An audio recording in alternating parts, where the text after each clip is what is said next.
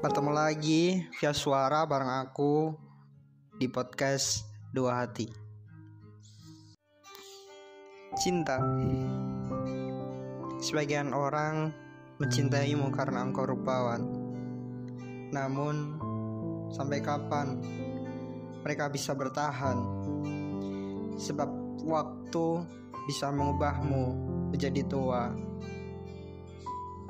Sebagian orang lagi mencintaimu karena engkau pintar.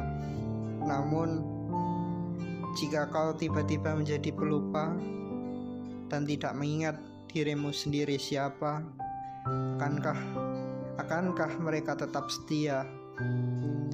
Sementara aku, aku yang mencintaimu, tidak perlu banyak alasan. Segala kelebihan dan kekuranganmu aku terima dengan lapang dada.